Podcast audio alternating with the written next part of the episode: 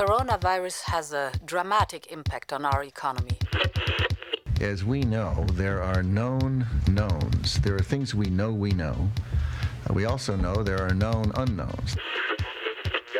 Build back better, bla bla bla. Green economy, bla bla bla. In diesem Sinne kann ich sagen, ja, äh, wir sollten alle Feministen sein. This footage from Al Jazeera purporting to show Taliban fighters inside the presidential palace declaring the Islamic Emirate of Afghanistan. I have a peculiar medical condition, which is that I don't sweat. I think it's a filter. It, And the- it is, and I don't know how to remove it. Not, I'm not a cat.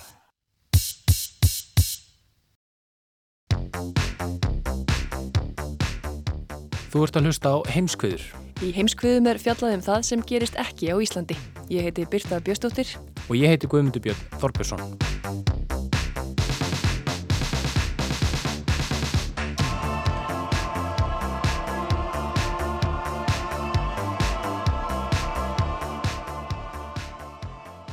Í þættinum í dag ætlum við að fjalla um jafn ólík umfyllunarefni og húðkvítun og sögu Úkrænu.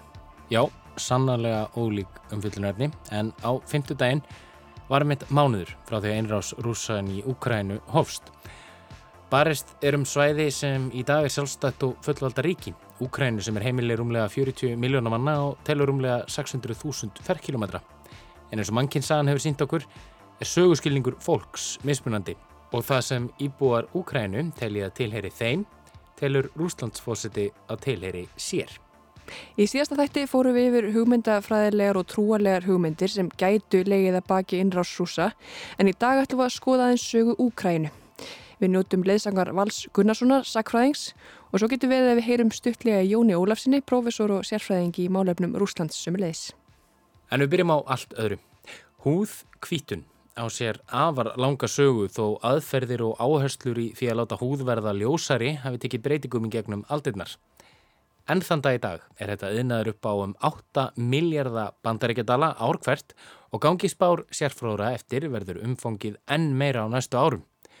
En fórnarkostnæðurinn er umtalsverður. Mikið af kremunum sem notuð eru í húðkvítunarskinni innihælda hættuleg eituröfni sem geta valdið varanlegum skafa. Byrta tekunum við. Hún grúar að maður hvað kristum er hundrún í dag การแข่งขันมันสูงมาก Hér heyrum við auglýsingu frá árunu 2016. Huguleg kona dásamar töflur sem hún tekur til að fá fölari húð. Yfirskriftin var White makes you win, hvitt kemur þér á toppin. Konan heitir Chris Horvang, 35 ára fyrirsæta, leikona, söngkona og danskennari. Hún segir að snirtuvörurnar hafi tryggt henni velgengni í lífinu því þær hafi gert húð hennar fölari. Ef ég hætti að hugsa um sjálfa mig get ég mist allt sem ég hef unnið svo hart að. mist húðfölvan sem ég hef náð, segir hún. Tuk jáng til túm tema, hvaðam káð til lóngtun væg, kom mótt bæ. Eins og til að leggja áherslu á hversu hræðilegt það er því að tapa fölleika húðarnar verður Horvang smám saman svart grá á hörund á meðan önnur kona sem á að veita henni samkeppni í lífinu sérst við lið hennar með fílabeins kvíta húðina. Þessi sjómasauðilsing gerði allt brjálað. Auglisendur voru sagaður um að ala á rasisma. Auglýsingin var tekin úr byrtingu og þau sem vildu selja fleiri húðkvítunatöflur báðust afsökunar. Fyrirtækið Soul Secret er þó mjög langt frá því eina fyrirtækið sem auglýsir og græðir á verulega umfangsmiklu markaði húðkvíttunar að vara um allan heim. Fréttastofa CNN byrð á dögunum á fréttaskýringaröð undir yfirskriftinni White Lies, hvítar legar. Þar er yðnaðurinn á bakvið húðkvíttun á heimsvísu rannsakaður, hver græða á honum og á hverjum bitna afleðingar þessa tísku fyrirbriðis helst.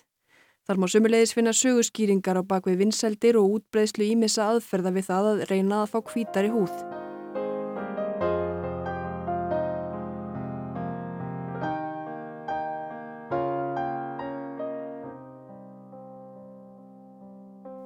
Tilraunir í þessum efnum telja ár, áratugi og manns aldra aftur í tíman. Skilgreiningin á húð kvíttun er nótkunn á hverskins snirtiförum, livjum eða öðru í þeim tilgangi að minka það sem á ennsku kallast melanín eða pigment í húðinni til að láta hana líta út fyrir að vera ljósari en hún í raun er. Íslenska þýðingin á melaníni er sortu efni en melanín er dögt litarefni í húð, hári og ásjónu fólks. Pigment eru litarefni eða litakorn í húð.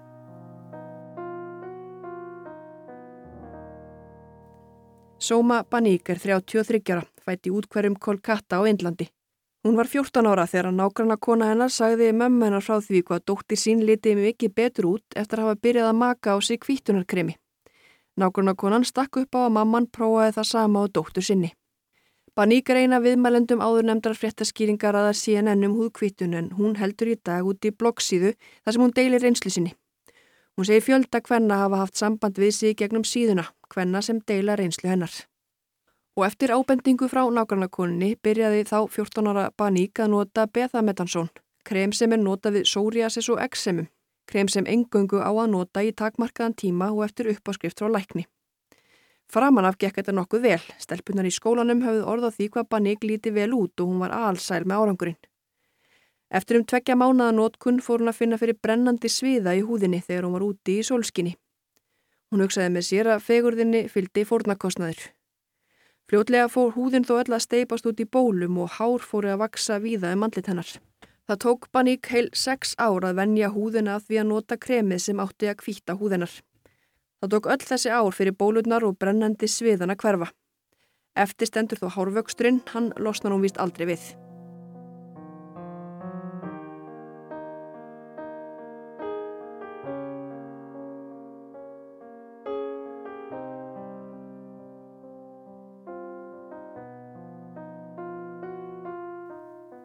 Aðferðir eru afar margvíslegar við að reyna að lýsa húðina. Krem og töflur eru þó algengastar. Alþektur auðvitað að þau sem eru kvíta á haurund nota mörg brunkukrem, ljósabekki og aðrar aðferðir til að dekja húðina. Ólíkt hins vegar húðkvítunarefnum er hlutvall hættulegra eiturefna í húðkvítunarefnum mun hærra. Baráta þeirra sem berjast gegn húðkvítunarefnum snýst ekki sístum að vekja aðtikli á þessum eiturefnum.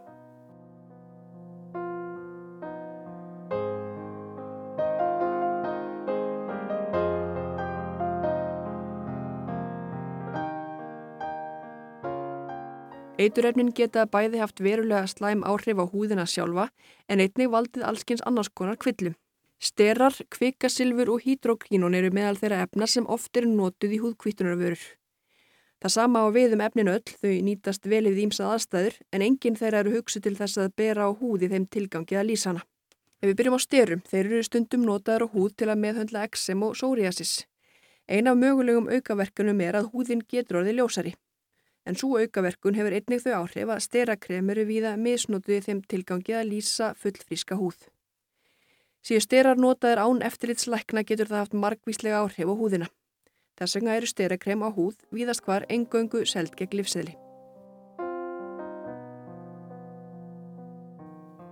Hydrokínun er kvítt kristallað efni sem notaðir bæði í framköllunarvögva og sem bleiki efni við meðferð lífsína. Það er víðast hvar bannað í sölu til almennings. Lifi eftirlit bandaríkjana hefur vara við því að efnið sé krabbameinsvaldandi og í september í fyrra var efnið bannað í bandaríkjunum. Ímsar aðrar aukaverkanir geta fyllt nótkun efnisins á húð, til dæmis fósturgallar hjá ófriskum konum, auk þess sem efnið getur haft áhrif á taugakerfi fólks.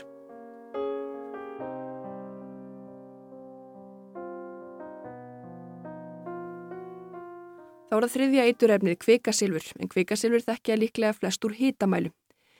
Efnið er hins vegar líka bæði notað í krem og sápur við sverum heim vegna bleikingar eiginleika. Söldi í kvikasilfri hindra framleiðslu melanins í húðinni sem fyrir vikið verður ljósari. Í miklu magni og eftir langvarandi nótkun getur kvikasilfri verið afar eitrað. Nýrna og livrabilun, taugaskaði, þunglindi og hvíði eru dæmi og um mögulega raukaverkanir.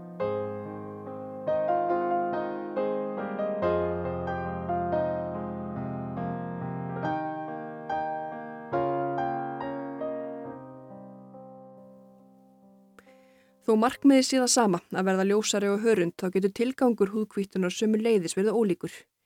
Það er misjamt hvað auglísendur þessara vara setja í kynningarefni sitt. Stundum er ymbrað á mikilvægi þess að vera fölari áður en brúðkaup er að höndum eða til að auka möguleikana því að ganga yfir höfuð út. Húðlitar eru oft getið bæði reynd út eða undir rós í engamánadálkum í Indlandi og víðar. Í atvinnuleit segja sömu leiðis margir auglísendur húðkvítunarefna mikilvægt sé að vera með ljósari ásjónu en fólki var útlutað við fæðingu. En auglísendum er ekki einum um að kenna. Samfélagur eru víða samansetta við miðum og gildum sem hafa fléttast saman og orðið til á ár hundruðum.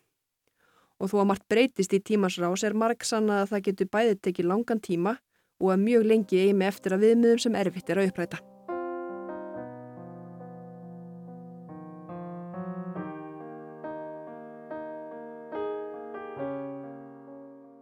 Forréttindi þeirra sem eru með ljósan húðlit leði til mismunar í öllum hornum heimsins. Byrtingamindirnar eru ólíkar eftir stöðum en getur byrti í fordómum, ójöfnu aðgengi að mentun og störfum, möguleikum á að ganga í hjónaband og lengt fangilsistóma til að nefna einhver dæmi. En það er einmitt hinn barátt á þeirra sem berjast gegn þessari tísku. Ekki bara með því að benda á hversu hættulegt heilsu fólks þetta geti verið, heldur einnu uppgjör við þessa rótgrónu og því miður enn útbreytu skoðun að húleitu fólk skilgrinni það í virðingastega samfélagsins. Og þau við með eiga sér ansi langa sögu.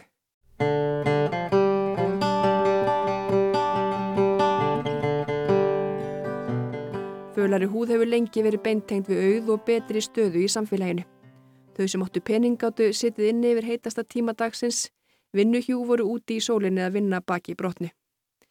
Þrælahald og nýlendustefna eru svartir blettir á sögunni sem sína betur en flest byrtingamindi þess að hvítir telli sér æðrið þeim sem eru dekri og hörund. Meira að segja á tímum þrælahalds var stjættaskipting á meðal þrælana. Þeir þrælar sem voru örlíti ljósari og hörund fengu oft örlíti þægilegri störfi í námunda við húsbændu sína. Á meðan þrælar sem voru dekri og hörund voru markvallt líklegri til að vera látnir þræla úti á akrinum eða í annari erfiðisvinnu.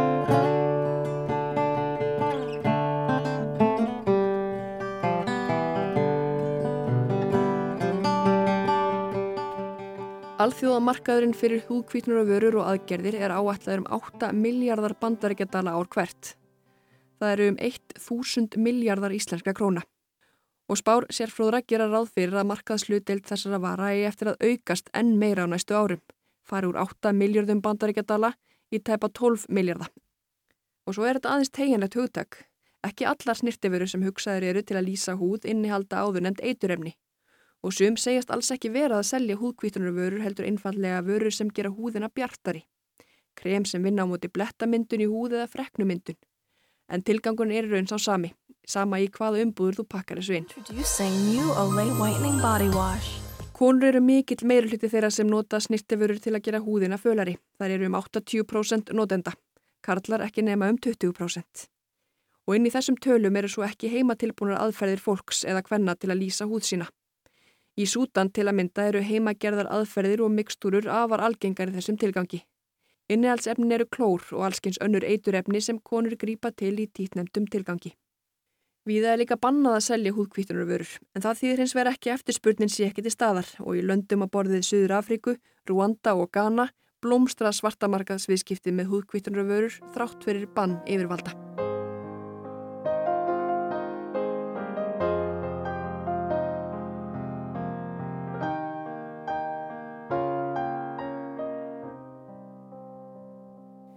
Í könnun sem var gerði í Mumbai á Indlandi árið 2018 kom fram að meira en helmingur aðspurðra hafði notat krem til að reyna að lýsa húð sína.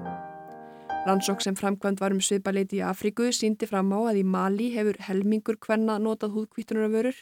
Í Senegal er hlutfallið 60% og í Níkerju notað um 75% allra hvenna í landinu einhverjar vörur til að ráta að lýsa húð sína. Hlutfallið er svipað víða í miðausturlöndum. Í Sáti Arabíu notað um 43% hvenna þessar vörur og í Jórdaníu er hlutfallið um 60%. Í Suður Ameríku og Asíu er notkunni sömu leiðis afar útbreytt. Sem sagt, allstaðar þar sem meir hluti íbúa er ekki snjaka kvítur og hörund er notkun húðkvítunar efna mikil eða mjög mikil. Og þarna koma áður nefndir rótgrónir fordómar einni við sögu.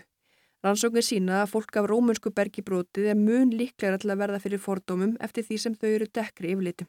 Yeah, um, originally I'm from Somalia and so growing up in Somalia and Africa I've seen a lot of people that practice skin lighting uh, including uh, members in my family and so I became so much interested in studying this. Þetta er Amira Adavi. Hún er einn stopnenda The Beauty Well Project, samtaka sem berjast á heimsvísu gegn húðkvittun og skadalegum áhrifum hennar. Sjálf ólst hún upp í Sómalíu og var aðeins dekkri og hörundin aðrir í fjölskyldun hennar. Hún segist vel muni eftir aðtuga semdum alveg frá því hún var lítil stúlka þar sem móðurinnar var spurð hvar hún hefði fundið barnið. Því dekkri sem húðlitið þinn er þeimur meiri fordóm verðuru fyrir. Þú ert skilgreynd fallegri eftir því sem húðlitið þinn er ljósari, segir Amira. The darker you are, the more you experience discrimination against your skin color. The lighter you are uh, from these communities, the more beautiful you are. As a result of that, you will see people using skin lighting products, buying skin lighting products to change their skin color because of they want to fit in. Og afleðing þessara viðhorfa er einföld. Fólk kaupi sér húðkvítunar vörur til þess að reyna að passa inn í þessi viðmið sem samfélagi setur. Húðkvítunar vörur eru aðgengilegar út um allt, í Bandaríkjunum, Asju, Evrópu, Afríku og Söður Ameríku í smáveruverslunum, apotekum, súbemörkuðum, snirtistofum, vefverslunum og samfélagsmiðlum og meira segja stundum á heimilum fólks. En bara að þeirra sem berjast gegn þessu hefur smám saman áhrif. Þegar fyrirtæki keftust við að lýsa yfir stuðningi við baróttuna undir merkjum Black Lives Matter, bentu mörg á tvískinungin þegar umrætt fyrirtæki seldu í stórum stíl krem sem áttu að stuðlaða ljósar í húð. Fyrirtæki á borði Johnson Johnson, L'Oreal og fleiri hafa tekið úr sölu hjá sér húðkvítunar og vörur eftir slíkar ábendingar. Rafræna vörutorkið Amazon hefur sömuleiðis bannað sölu á húðkvítunarefnum á síðunni sinni. Þá ákverðin má þakka baróttu Amíru Adavi. Eftir baróttu samtakana hennar og undirskriftalista 20.000 bandarækjamanna voru efni sem þessi tekin úr sölu frá Amazon. Baróta Adavi hefur sömuleiðis skilað því að bandarækja þing samþykti fyrra auka fjárveitingu upp á eina miljón bandarækjadala. Fjárveitingin rennur til Livja eftirlitslandsins og er eirnamert baróttunni gegn húðkvítunarefnum. En það er þó við ramman reypa draga, til dæmis þegar samfélagsmiðlur eru annars vegar. TikTok, Instagram og Facebook eru afar vinsælir markaði fyrir kaup og sölu og húðkvítunarvöru. Áhrifavaldar sem nota slíkar vörur og mæla með ná til að markvallt fleiri en hefðbunnar auðlýsingar. Baróttukonan Adavi segir einmitt að þekktar konur þurfi að leggja málefninu lið. Celebrities, uh, they're leaders and so a lot of people look up to them as role models and so they have to uh, find way to really undo all of that. Óskarsverðuna leikonan Lupita Nyong'o ólst upp í Nairobi, höfuðbor Kenya. Hún hefur í viðtölum delt upplifin sinni að því að alast uppið áreiti frá auðlýsingum sem bóða kvítari og bjartari húðlitt. Hún segir það hafa haft mikil áhrif á sjálfsmynd sína. Hún hefði alist uppið þá tilfinningu hún væri ekki falleg. Til þess væri húð hennar of dökk. Mýmörg dæmi má finna af frægum konum sem eru með dekkri húðlitt en eru með hjálp tölvutekningar látna líta út fyrir að vera mun ljósari á hörundi ljósmyndum í glansblöðu. Megan Markle eiginkona Harry Bretaprins reyn þeirra. Þegar eftirspurnin eftir húðkvítunar og vörum er jafn mikil og útbreytt og raunber vittni er það bísna langur og grítur vegur áður en upplýsingar um skaðsemi efna ná til allra. Dr. Albír Saravats er eitt þeirra indversku húðlaknar sem CNN rætti við og hann segir það gera baráttuna enn erfiðari að lifjafyrirtæki beiti oft miklum þrýstingi til að vörur þeirra nái til almennings. Þá tekur enn lengri tíma að brjóta á baka aftur þá mítu að húðlitur skilgrinni fegur einstaklingsins. Við skulum gefa baráttukunni Amíru Adavi loka orðina þessu sinni. Þetta er hennar framtíðasín. I embrace my blackness, I embrace my Africanness. That is what I teach people to define their own beauty and not only follow the beauty standard that was set to them centuries ago, which is based on whiteness. That cannot continue.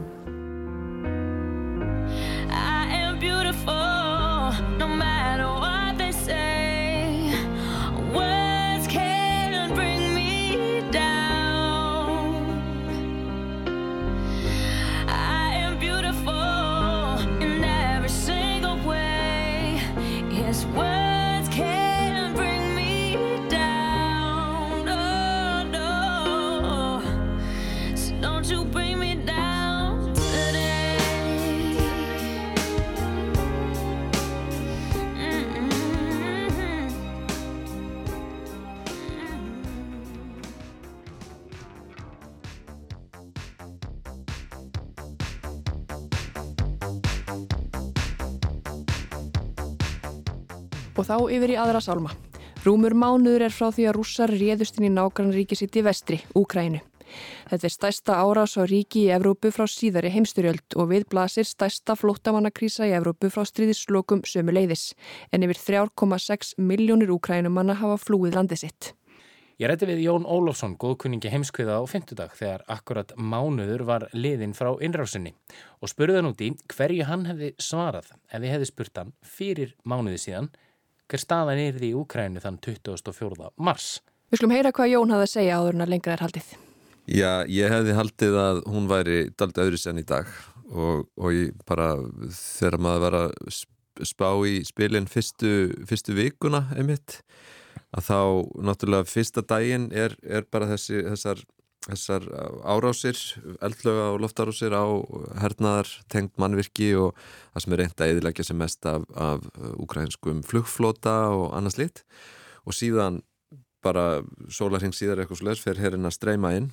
Uh, og það, það gerðist aldrei hratt. Þessi svæði sem eru tekin uh, sem við sjáum enna á kortinu þau voru orðin tiltöla lík því sem þau eru í dag mjög snemma og ég held til dæmis uh, sjálfur þegar maður sá bara fréttinnar um liðsflutningana og annað sko að, að það, er því bara eina nokkura daga frá stríðsbyrjun sem að að rúsa væru búin að taka landi kringum helstu borgir, kringum Kiev til dæmis, kringum Kharkiv og, og klárlega Mariupol og, og Kherson og, og jáfnvel Odessa uh, og væru í rauninni á að sko þrengja að úkrænumönnum þannig, jáfnvel að skjóta inn í borg geta með stórskotalið eitthvað slíkt, allavega búinir að stoppa umferðina og klippa í sundur sko allar uh, hérna, samskipta og flutningsleiðir milli úkrænskra herfylgja en, en þetta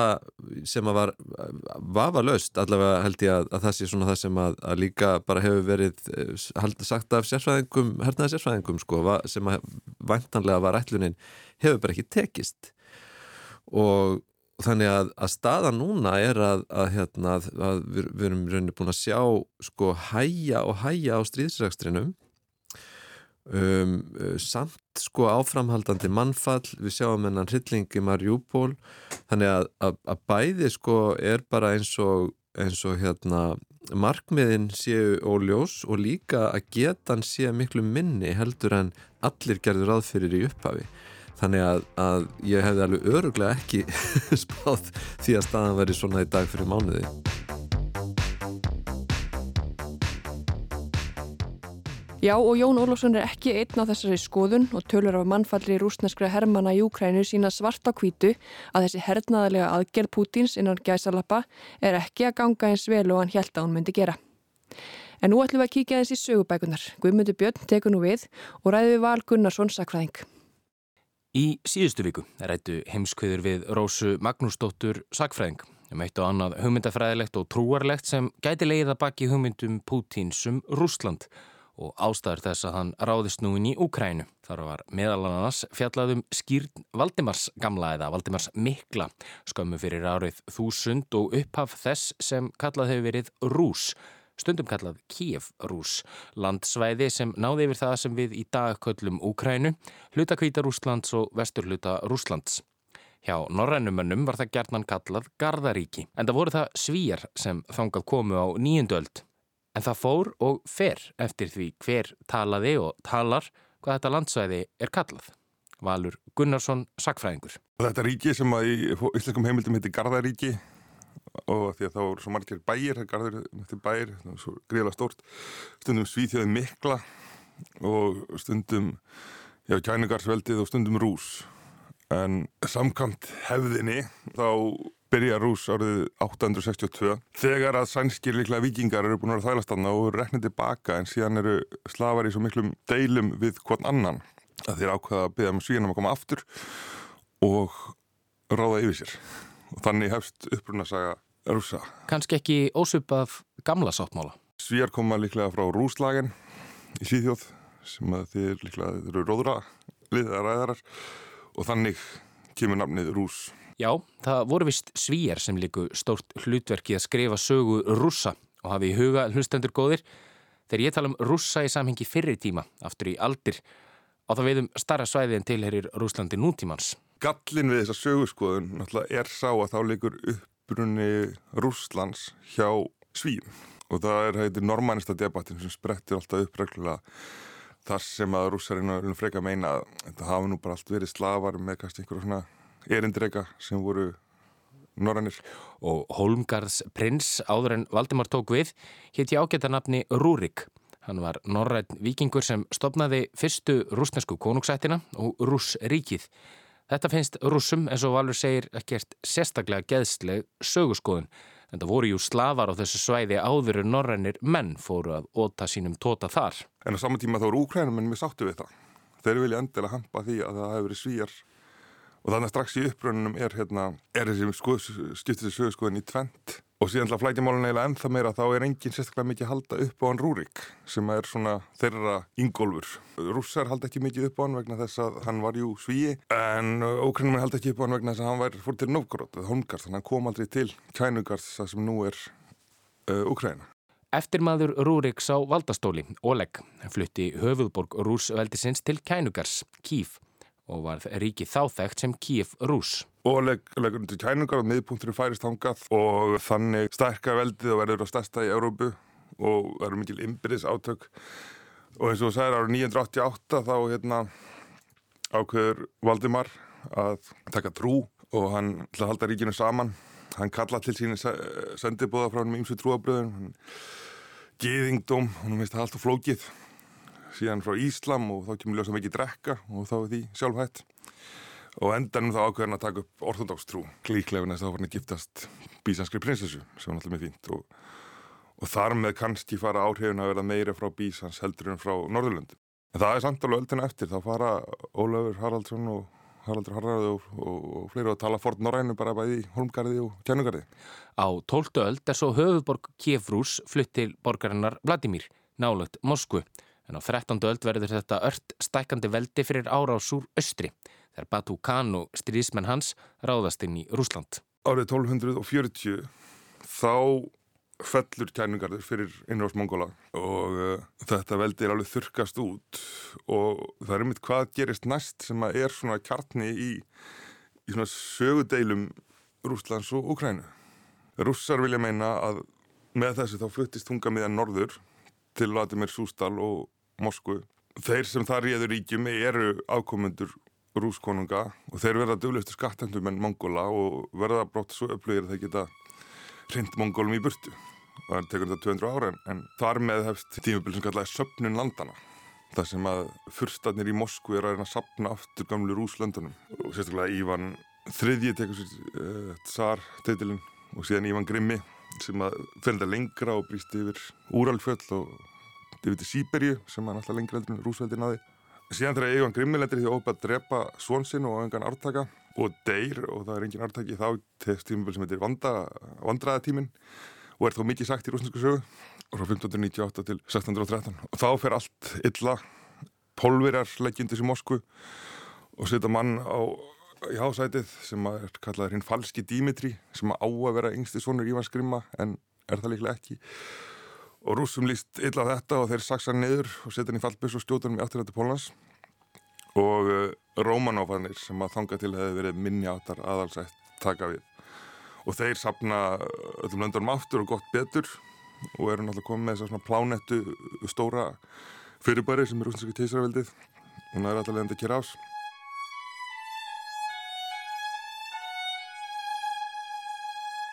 Hér er farið hratt yfir sögu.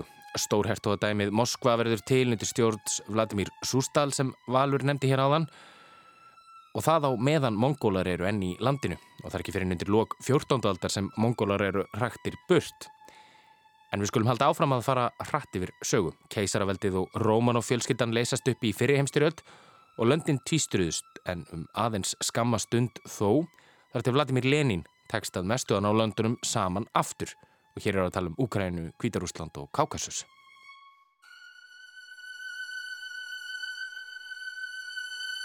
Þetta er, er eitthvað sem að Úkrænumenn óttast að rússar sé alltaf að sapna löndunum og að, Putin uh, sé að því núna. Að því að samkvæmt þeim þá farðist tunga með að rúsveldisins vestur til Volíniu Galísíu sem var þá á mörgum Pólans og Úkrænu og Úkræna eða úkrænska rús rennur inn í Póland-Litáin sem verður rosalega mikið stórveldi og nær yfir Póland og Litáin og alltaf Úkrænu um tíma. Og, og þau vilja líta svo á að, að þetta verður að vera Póland líta á en Úkraina og þegar að Pólverjar vinna sín mestu afreg eins og að reykja Tyrki frá, frá Vín árið 1683 þá líta svo að það verður að vera pólsk-úkrænsk aðgerð og þar með sko færist siðmenningin og eiginlega bara fólkið aftur inn í Úkrænu frá vestri og þar með þá þeir allt bara sögurskoðun, allt bara tengingar En hver er þá saga Úkrænu? Hvenar getur við byrjað að tala um Úkrænu? Og hvenar byrja Úkrænu menn að tala um sig sem slíka? Ég, það nefnilega er svolítið flókið sko að því að samkvæmt sögustilningi Úkrænumanna þá er eins og þeir kalla kænugardsrús er Úkræna. Þetta veldur nefnilega er mestu hluti Kvítarús, Európa-hluti Rústlands og Úkræna þannig að það gera allir tilkall til þess og það líti allir svo á að þessi komni það og það er umlega bara 19. öll sem að þjóðirna fara að vera til og þjóðaveitindi fara að koma upp þá fara menn alltaf að skoða þetta rúsveldi og fyrir Úkrænumennum þá er þetta hinn fyrsta Úkræn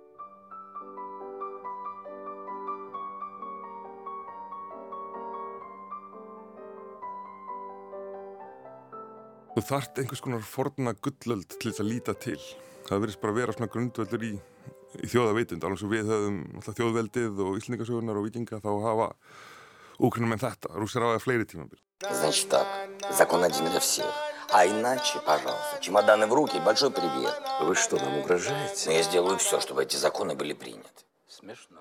Í gaman þáttunum þjótt fólksins, hvar Volodymyr Selenski, núverandi fórseti Úkrænu, leik fórseta Úkrænu, já, Selenski var leikari áður en hann heldi sér út í stjórnmálinn, má svo glitta í einmitt þessa þjóðurnis vitund Úkrænumanna. Inn á milli í þáttunum talar fórsetin við sögulegar personur. Abraham Lincoln og Július Cæsar en stundum úkrænskar eins og þegar hann tala við hérna Jaroslav Vitra sem var valdamesti konungur tjæningars og, og hann er á Selenski er á fundi með einhverjum erindrikum Európa-sambandsins og, og Jaroslav Vitri mætir hann og segja er þessir Európa-menn að byggja um pening eina fyrir nenn og, og Selenski segir nei það er sko eiginlega ég sem er hann að slá lán hjá þeim. Og þá fyrir Jaroslav að segja bara hvað kom fyrir það? Það er ekki þú ert að fara peningir hjá þeim en ekki öfugt. Og þetta er svolítið mikið í þjóðavitund úkrænumanna fólk bara á götu segir manni sko já séum að hérna dóttir Jaroslavs hún prinsessi París og hennar París er bara ekkert merkileg með við kenningar sko þannig að fá þeir alveg eins og Íslingar 19. aldgáttu við okkar Íslindika sögurnu jafn merkilegar og, og, hérna hvað sem er þá, þá þarna geta úkrænumenn nefnt þá tíma þegar þeir voru jafn merkilegur hverju sem er aðrir sko Um tíma hverfur Úkræna að mestuleitin í Póland. Það er Úkræna fellur undir Mongól á 1240 fyrir vestastil hlutin yfir til Pólands og það færist austar næstu aldirnar á eftir. Það er til um miðja 17. öld þegar kósakkar, frjálsir bændur sem heyr ekki undir neitt, stofna eigið líðveldi. Þeir verða fyrir árásum úr öllum áttum, frá Tyrkjum, Krímtaturum, Pólverum í vestri og Rússum í norðri, en styrkjast við hverja raun í því vilda vestri sem Úkræna var á þessum tíma. Það er einmitt þetta sem að, að Úkrænumenn líka líta til. Þannig er þeirra þjóðavitund, við erum frjálsir kósakar. Alveg svo við Íslingar erum allir vikingar, þá lítið þannig á. Og þetta er svona líka grundallega munur af því hvernig þeir líta á sig ólít rússum. Rússa vilja alltaf hafa hann sterka leðtúa, þeir vilja hafa sín Ívan Grimma og eins og sagði hann að því inn á milli er ofta svona kásástand en meðan úkrænumenn vilja einstinni og vilja alltaf vera helst frálsir sko og jafnvel svolítið kátískir. Og þetta meiri sér lýsir ágæðlega þróun bæði í Rúslandi og Úkrænu eftir fall Sovjetríkjana þannig að í Rúslandi þá kom hinn sterkir leðtói á endanum en í Úkrænu þá er þetta allt svona mjög, mjög óreðikjent sko en, en, en fólk er fullkomlega frjálst. Til áreittingar er því verðt að hafa í huga að landamæri Úkrænu eru fyrst skilmerkilega ákveðin við stopnun Sovjetríkjana og Úkræna verður eitt mikilvægast að Sovjet líðveldið. Og árið 1953 stækkar þetta Sovjet líðveldi Úkrænu þegar stjórnveldi Moskvu ákveða að gefa Úkrænu krímskaga. Sem sagt, það er fært frá Sovjet líðveldinu Rúslandi til Sovjet líðveldisins Úkrænu. Þetta var tákarætt gjörningur fyrst og fremst, svipað þegar að Íslenska ríkið gaf Reykjavíkuborg við þeim. Og þetta gera rússar þegar 300 ár voru liðin frá því að Bótan Kmelnitski, leðtogi Kósaka, sem hafi frelsað Úkrænu undan pólverjum, ákveður að ganga rússum á hönd. Hann er því maðurinn sem saminaði Rúsland og Úkrænu og er í metum á báðum stöðum. Þannig að Úkræna var sannarlega til áður en landamærin voru skilmerkilega mert.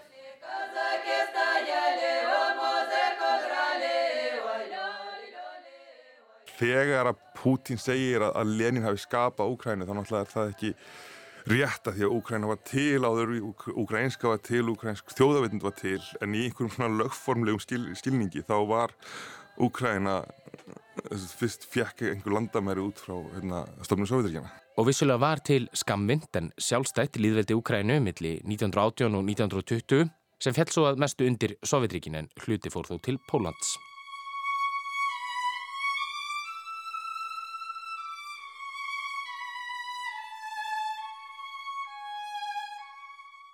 Þetta er flókin saga, já.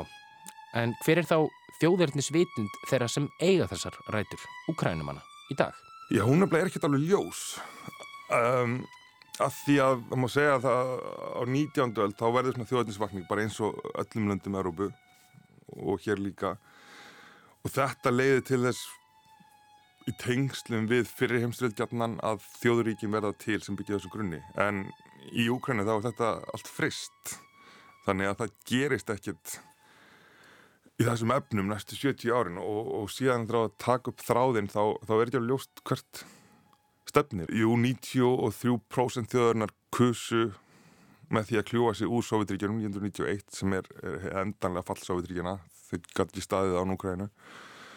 Helmingurinn af öllum leningstittum í landinu ripnar en ekki allar uh, og það er ekki alveg ljóst hvert skuli líta til austurs eða til vesturs og þjóðin skiptist kannski svolítið líka bara eftir því og en það er náinn samvinna við Rúsland og það er alls engin, rússa andúð þanga til 2014 og þá er gengið hérna eftir sem sagt krím, að krimskæði tekin eftir að stríði Dombas byrjar.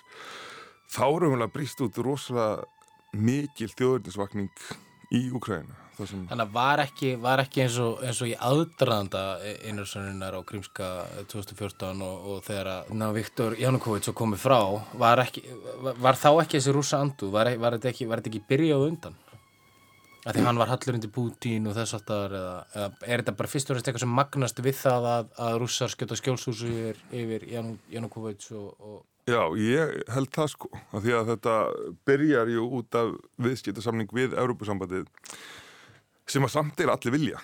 Meiri sé ég nokkuð veit sjálfur villan og er búin að semja og er að fara að skrifa undir þannig að Putin hingir í hann og segir hann að þetta gangi ekki. Og býðir rúsa láni í staðin og þar með verða sko, sérstaklega fólk í vesturlutanum en, en jafnvel í östurlutanum líka verður ósátt við hann og þannig líka kannski að Putin sé að skipta sér að innaníkismálum og, og, og, og ég nefnir sem segir flýr til Rústlands Putin tekur yfir Krím og hérna og síðan byrja, byrja stríðið Dombas og þar með verið til eða ukrainsk þjóðavitn sem er andstað við rúsa. Við erum ekki rússar, við erum ukrainumenn. Og það fyrir að vera meiri áherslu á málið og maður er, þú veist, úrlinga leggja áherslu á að tala ukrainsku og hérna, restin af leningstittunum er allar rifnar. Já, það verður óbúinlega sterk þjóðanisvakning þarna og núna má segja að, að ukrainumenn séu í sínu frelsi stríði og að því að og þó enginn hefði óskað sér þess að stríðist þá hérna er frelsi stríðið eitthvað sem er eila partur af þjóðavitund allra. Við, við fengum þorskastriðin sem voru þegar ég var aðlast upp mjög stór partur af bara því sem hann hefði kent í skóla af því að komið að setna og ég held líka bara fyrir nokkrum árum síðan voru margir hérlendis og viða sem voru hver rúsar úkrænum, þetta er ekki bara sama. En það mun enginn spyrja að segja þetta hér eftir. Þegar úkrænum eru bara núna að vinna sér inn rétt meðal þjóðana með því að, að sína endanlega fram á að þeir eru ekki rússar og þeir berjast í rússa og, og verjast rússum og hérna og núna eru bara þær þjóðsugur að vera til sem er auðvitað að vera sæða næstu þúsund árin sko. Þegar fórsetin sæði mér vant að skotfæri, ekki far. Veist, þegar að herrmenni söður rússinska herstýpuna farið að fjanda sko, hérna gamla konar sem eðlaði rússinska dróna með súsuðum tómutum, þetta er alveg þú veist, það er sögur sem að þjóðin mun segja sjálfur sér hérna og, og eftir, já, eftir þúsund ári þá mun fólk segja að við verum eins og Selenski eða eitthvað slíkt. Þannig að það er óbúslega merkjöld að bara horfa á þjóð verða til og hundra án setna það eru þjóður og þú veist, þjóðavitin er greinilega orðin svona sterk að hann getur staðið af sér hvað sem er. Og þegar þjóðavitin er orðin til þá er ekki takt að kæfa hann aftur ekki með neinum ráðum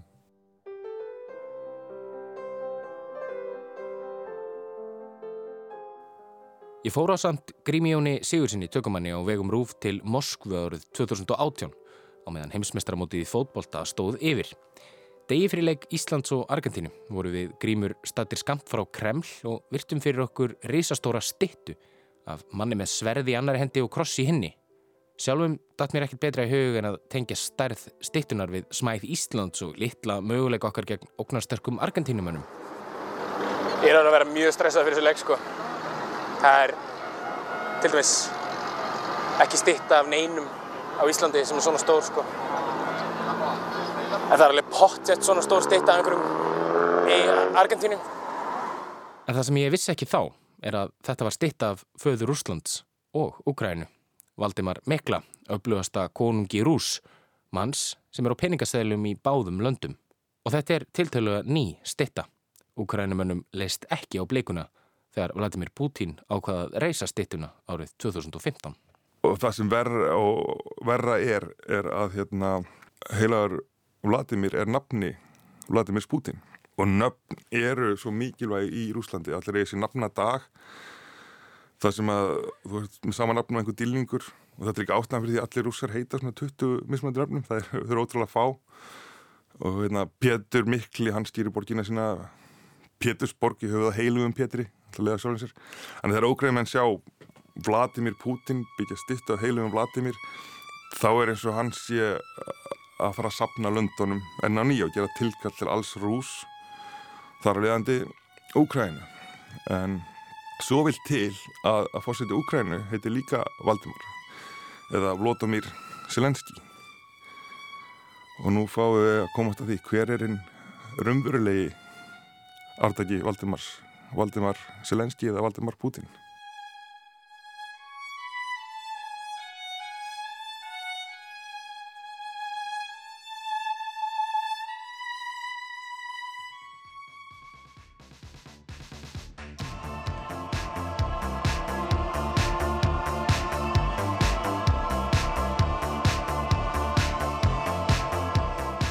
Þetta verða að loka orðin í heimskviðum þessa vikuna.